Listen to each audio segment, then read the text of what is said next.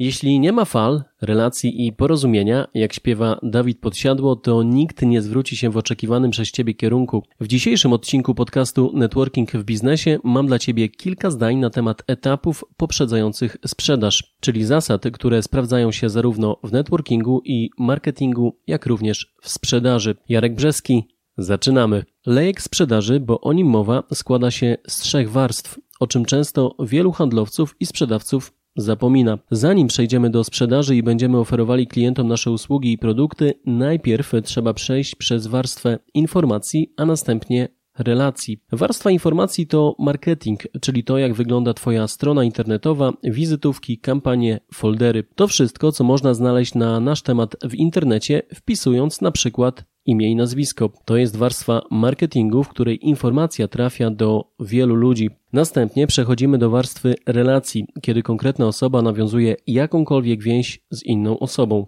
Takim przykładem są cold calls, kiedy marketer dzwoni i pyta, czy rozmawia z osobą decyzyjną oraz składa ofertę. Podobnie działa również cold mailing. Kolejnym elementem budowania relacji są rekomendacje, czyli z chwilą, kiedy ktoś cię poleci lub my kogoś polecamy. Kolejna rzecz to eventy, czyli miejsca, gdzie poznaje się nowych znajomych i można rozbudować swoją sieć kontaktów. Uwaga, ważna informacja. Jest to zarazem miejsce, gdzie się nie sprzedaje. Podczas eventów obowiązuje zakaz sprzedaży. Jest to przestrzeń, gdzie poznajemy nowe osoby i budujemy relacje. Tym samym jest to strefa przeznaczona do uprawiania networkingu.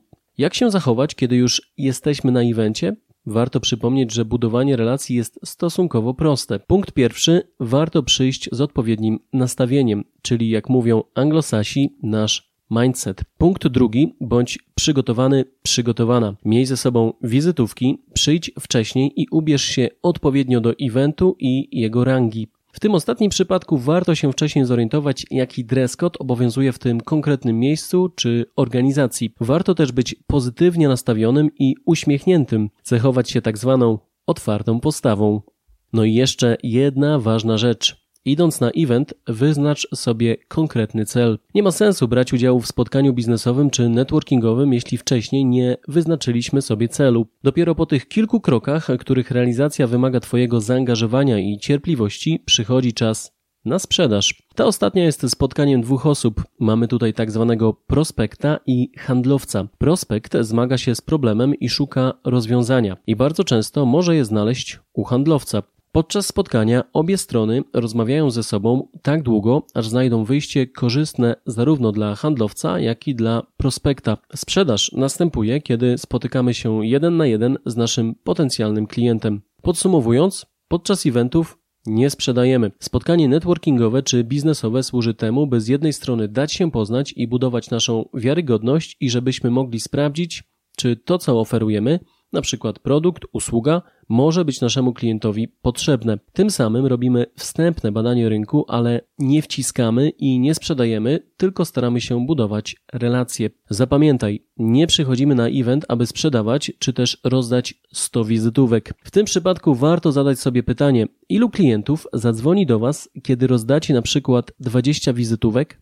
Zazwyczaj nikt nie zadzwoni. Kiedy jednak zbierzesz 20 wizytówek, to bardzo często wykonasz właśnie tych 20 telefonów. Dlatego do pewnego stopnia rozdawanie wizytówek nie ma sensu. Dużo lepszym rozwiązaniem jest sytuacja, w której ludzie podczas rozmowy obdarzą cię sympatią i właśnie dlatego będą chcieli kontynuować relacje. Jeśli polubicie się nawzajem, a dodatkowo druga osoba usłyszy, że dobrze się o tobie mówi, to jest szansa na nawiązanie współpracy. Warto więc pamiętać o lejku sprzedaży i etapach, które następują po sobie. Tyle na dzisiaj. Jednocześnie przypominam, że networkingową wiedzę znajdziesz również na platformie YouTube na kanale Networking w Biznesie. Dobrego dnia i do usłyszenia.